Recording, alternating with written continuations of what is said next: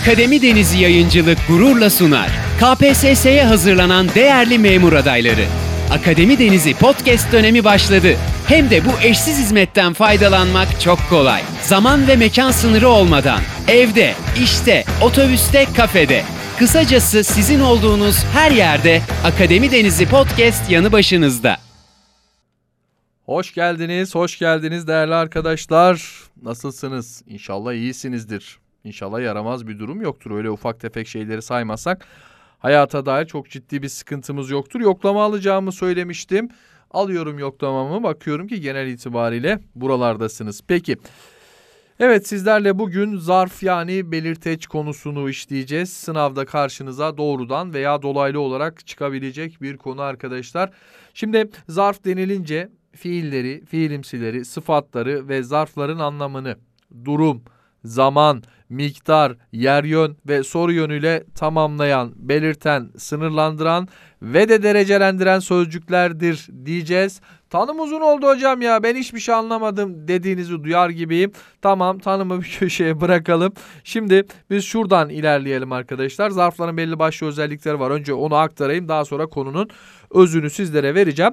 Zarflar fiillerin anlamını etkiler doğrudur. Zarflar sıfatların anlamını etkiler doğrudur. Zarflar fiilimsilerin anlamını etkiler doğrudur ve zarflar yine kendi gibi zarfların durumunu etkiler ve bunu hepsinde görmeyeceksiniz tabi. Bunu sadece siz e, miktar zarflarında göreceksiniz. Onu da hatırlatayım içinizi ferahlatmış olayım. Şimdi Dört e, şunu belirtelim arkadaşlar. Öncelikle hani dedik ya zarflar mutlaka sınavda doğrudan veya dolaylı bir şekilde karşımıza çıkacak diye.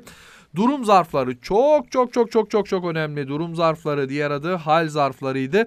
Fiillerin ve fiilimsilerin durumunu, hareketini, nasıl ve ne şekilde yapıldığını gösteren zarflardır. Yani kısaca işin nasıl yapıldığını belirten zarflardır arkadaşlar. Bakın işin nasıl yapıldığı bu iş nasıl yapılmış? Onun için siz ne yapacaksınız? Fiile nasıl sorusunu soracaksınız. Nasıl soracağız hocam dediğinizi duyar gibiyim. Şöyle yapıyorsunuz. Yağmur başlayınca koşarak eve döndü. Sor bakalım dönme işi nasıl yapılmış? Cevap koşarak. İşte o koşarak kelimesi burada zarftır arkadaşlar. Yapıştırın çıkın. Evdeki çocuk küskün küskün oturuyordu. Sor bakalım o çocuk nasıl oturuyordu? Küskün küskün. İşte sana bir durum zarfı daha. Sonra genç kız gönlünce eğlendi. Gönlünce eğlenmiş. Bakın eğlenme işi, eğlenme fiili nasıl yapılmış? Gönlünce. Hemen durum zarfı diye alın çıkın. Çok düşünmeyin. Tekrar ediyorum. Fiile sorulan nasıl sorusuna cevap veriyor arkadaşlar. E neyle karışır ve soru sınavda genelde konuşamadım bu arada. Soru nasıl çıkar onu da aktarayım. Şimdi durum zarfları, zarfıyla niteleme sıfatını birbirine çok karıştırıyoruz. Bunun için zarflar fiile sorulan nasıl sorusuna cevap verir iken sıfatlar isme sorulan nasıl sorusuna cevap verecek. Bak fiillere sorulan nasıl sorusu sizi zarfa, isme sorulan nasıl sorusu sizi kime? Sıfata götürecektir. Şimdi güzel insan dediğimde Nasıl insan? Güzel. Bu bir niteleme sıfatı mı? Evet dediğinizi duyar gibiyim. Güzel konuştu dediğimde nasıl konuştu? Güzel konuştu. İşte size bir ney? Durum zarfı. Kolay soru dediğimde niteleme sıfatı oluyor. Kolay çözülür. Nasıl çözülür? Kolay çözülür. Bu da bir neydi? Durum zarfı. Peki. Arkadaşlar sınavda genel itibariyle dediğimiz gibi karşınıza çıkabilecek bir soru kalıbıydı. Şimdi aşağıdaki cümlelerin hangisinde zor sözcüğü sözcük türü bakımından ötekilerden farklıdır demiş bize. Zor işleri hep bana yaptırıyorsun. Bak nasıl iş? Zor iş. Bu bir sıfat mı? Evet. İsten, istemeden zor bir çalışmanın içine girmişti. Şimdi sor bakalım nasıl çalışma? Zor çalışma. Ne oldu yine? Sıfat oldu mu? Oldu. Terlemiş, çok yorulmuş, zor yürüyordu. Bak nasıl yürüyordu? Zor yürüyordu. Fiile sordum, doğrudan zarf oldu. Cevabım çıktı ortaya. Öğretmenliği zor bir meslek olduğunu anlamıştı. Zor bir meslek, öğretmenliğin zor bir meslek olduğunu. Bak zor bir meslek sıfat. Zor günleri geride kaldı. Rahat edeceğiz artık diyordu. Nasıl gün? Zor gün. Demek ki cevap neymiş arkadaşlar? Cevap Ceyhan olacaktı. Zor yürüyordu. Nasıl yürüyordu? Zor yürüyordu. Peki. Arkadaşlar hemen şunu hatırlatayım sizlere. Sıfatlar mutlaka bağlı olduğu isimden önce gelirken zarflarda böyle bir zorunluluk yok. Zarf fiilden önce gelebilir, sonra gelebilir. Araya başka söz veya söz öbekleri de girebilir dedikten sonra geliyorum sınavda yine çıkabilecek bir konu zaman zarfları. Şimdi zaman zarfları adı üzerinde yani biz burada fiillerin anlamını zaman bakımından belirleyerek sınırlandıran sözcüklerden söz edeceğiz sizlere. Bunu bulabilmek için de yapacağımız şey çok basit. Yükleme sorulan ne zaman sorusunun cevaba cevabını arayacağız. Yani şöyle düşünün siz günlük hayatınızda işte bir işi ne zaman yaptığınızı cümlenizde nasıl aktarıyorsunuz?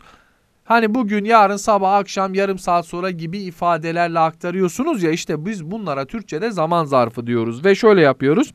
Önce söylediklerimi dinle, sonra derdini anlat. Şimdi burada ne zaman dinle, önce ne zaman anlat, sonra bakın bunlar birer nedir arkadaşlar?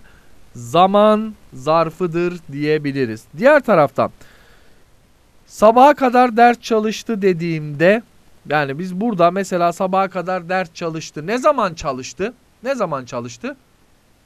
Var mı cevap? Yok. Şimdi şöyle yapalım. Yarın sizi parkta bekleyeceğim. Bak ne zaman parkta bekleyeceğim? Yarın. Biz burada yarın e, düzelteyim ne zaman sorusunun cevabını arayacağız. Ne zaman sorusunun cevabı varsa burada bir zaman zarfı vardır diye biliyoruz. Mesela İbibikler öter ötmez oradayım. Ne zaman oradayım? İbibikler öter ötmez oradayım. Akşama geleceğim. Hacı Baba evde mi? Ne zaman geleceğim? Akşama geleceğim. Akşama geleceğim. Hacı Baba evde mi? Böyle miydi bu şarkı ya? Evet. Dün gece bir film seyrettim. Canım çıktı ağlamaktan.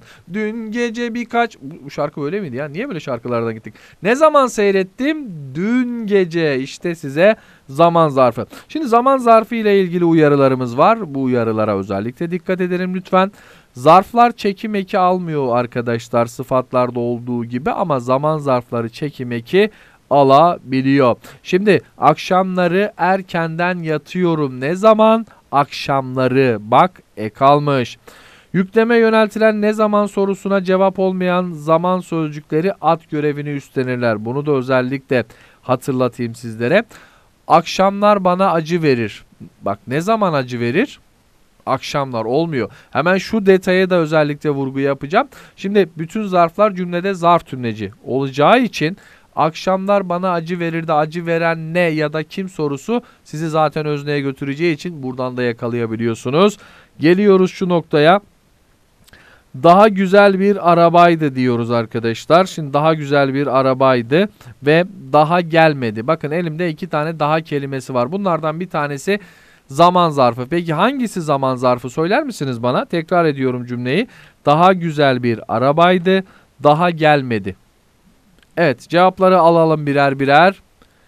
Peki hemen şu uyarıda bulunacağım. Arkadaşlar daha sözcüğü eğer henüz anlamındaysa bunu lütfen zaman zarfı olarak alın kabul edin. Şöyle yapıyorum. Daha gelmedi de daha yerine henüz gelmedi. Bakın aldı kabul etti. Bu bir zaman zarfıdır. Daha güzel bir arabaydı derken henüz güzel bir arabaydı olmadığı için bu e, derecelendirme olacaktır. Bunun için bunu zaman zarfı olarak almıyoruz diyoruz ve geliyoruz yer yön zarflarına. Fiiller ve fiilimsilerdeki hareketin gerçekleşme yerini ve yönünü gösteren sözcüklerdir arkadaşlar. İçeri, dışarı, ileri, yukarı, geri, aşağı, beri, öte gibi sözcükler genelde yer yön zarfı olarak kullanılmaktadırlar. Şöyle yapalım. Dedem maçta ileri çıktı. Bak ileri çıktı. Doğru bildiğin yoldan asla geri dönme. Bak geri. Adam koşarak yukarı çıktı. Bak yukarı. Sonra e, 7 numaralı futbolcu ileri çıktı diyorsunuz. İleri. Bakın bunlar birer yer yön zarfıdır. Ve yer yön zarfı ile ilgili iki tane örne e, uyarım olacak sizlere. Yer yön zarfları çekim eki aldıklarında zarf olmaktan çıkar isimleşirler. Nasıl yani? Şöyle yani. Dışarı çıktaki dışarı bir yer yön zarfıdır ama dışarıya çık dediğimizde bu yer yön zarfı olmaktan çıkıyor isimleşiyor. Hani biz biraz önce zaman zarfları hariç diğer zarflar kesinlikle çekim eki almaz dedik ya işte o noktaya geldik. O nokta var ya işte orası önemli. Bir de arkadaşlar içeri dışarı yukarı aşağı öte gibi sözcükler ismi belirtirse sıfat olur uyarısında da bulunacağım size. Yukarı mahalleye taşındıkta yukarı mahalle nedir? Bir sıfattır. Aşağı evde oturuyor. Hangi evde? Aşağı evde. Bu da bir sıfattır. Bunun için bunların sıfat olması e, daha söz konusu olabilir. Buna dikkat edin. Öyle ek almadı diye hemen aldım ben bunu zarf demeyin sakın. Buna dikkat. Şimdi sağ sol kelimesi genelde yer yön bildiriyor gibi düşünülebilir ama sağ sol kelimesini biz genelde ek kaldırarak kullanıyoruz. Mesela arabayla sağa döndü, sağa döndü demiyorsunuz. Sağa döndü diyeceğiniz için burada ek aldığından dolayı bunu yer yön zarfı olarak alamıyorsunuz. Çünkü ek almıyordu. Onu bir kez daha hatırlatıyorum sizlere ve geçiyorum miktar yani azlık çokluk yani nicelik zarflarına. Biz miktarda fiillerle, fiilimsilerle, zarf ve de sıfatlarla uğraşacağız arkadaşlar. Burada e, ne kadar sorusunu soracağız. Miktar zarfları genel itibariyle az, çok, pek, gayet, biraz, ne, epey, daha, fazla, azıcık gibi hani e, türde sınırlı sözcüklerden oluşmaktadır.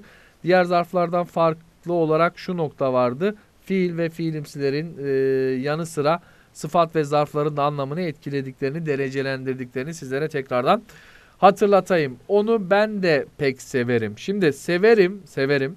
Ne kadar severim? Pek severim demiş. Bak bu bir miktar zarfı.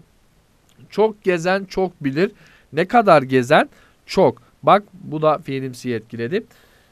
En güzel şarkıyı bir kurşun söyler. Bak güzel şarkı sıfat. En güzel şarkıda miktar zarfı sıfatın durumunu etkiledi.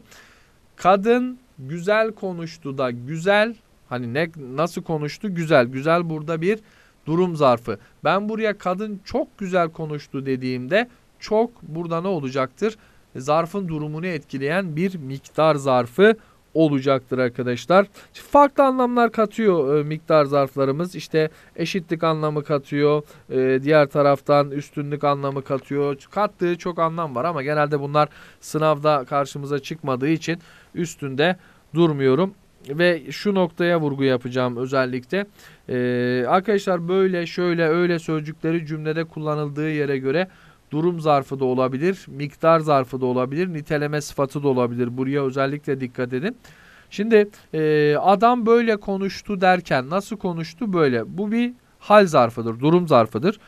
Böyle güzel insanlar gördünüz mü dediğimde bakın böyle güzel insanlar sıfatın durumunu etkilediği için bu bir miktar zarfı. Diğer taraftan böyle sözlerden asla çekinmem dediğinizde nasıl söz böyle söz bu da ne olacaktır haliyle bir niteleme sıfatı olacaktır. Bunlara özellikle dikkat ederim. Gelelim soru zarflarına. Bir fiilin ya da fiilimsinin anlamını soru yoluyla belirten, etkileyen sözcüklerdir bunlar. Ve biz burada işte niçin, nasıl, ne zaman, e, ne, hani, ne kadar, hangi sebeple, neyden dolayı gibi soru kalıplarını arayacağız. Siz bu soruyu nasıl çözdünüz? Şimdi bu soruya cevap verin. İşte zor çözdüm. Nasıl çözdün? Zor. Bak bu bir haliyle durum zarfı olacağı için bu da bir soru zarfıdır. Ee, neden beni aramadın? Bakın şunu söyleyeyim sizlere. Sebep soran her şeyi zarf olarak alabilirsiniz. Neden beni aramadın? Niçin gelmedin? Hangi sebepten dolayı erteledin? Bütün bunları zarf olarak, soru zarfı olarak alabilirsiniz. Beni ne zaman arayacaksın? Ne zaman sorusu cümlede soru anlamı ne zaman sorusuyla sağlanmışsa kesinlikle zarf alın çıkın çok uğraşmayın. Ee, diğer taraftan şunu da vurgulayalım arkadaşlar.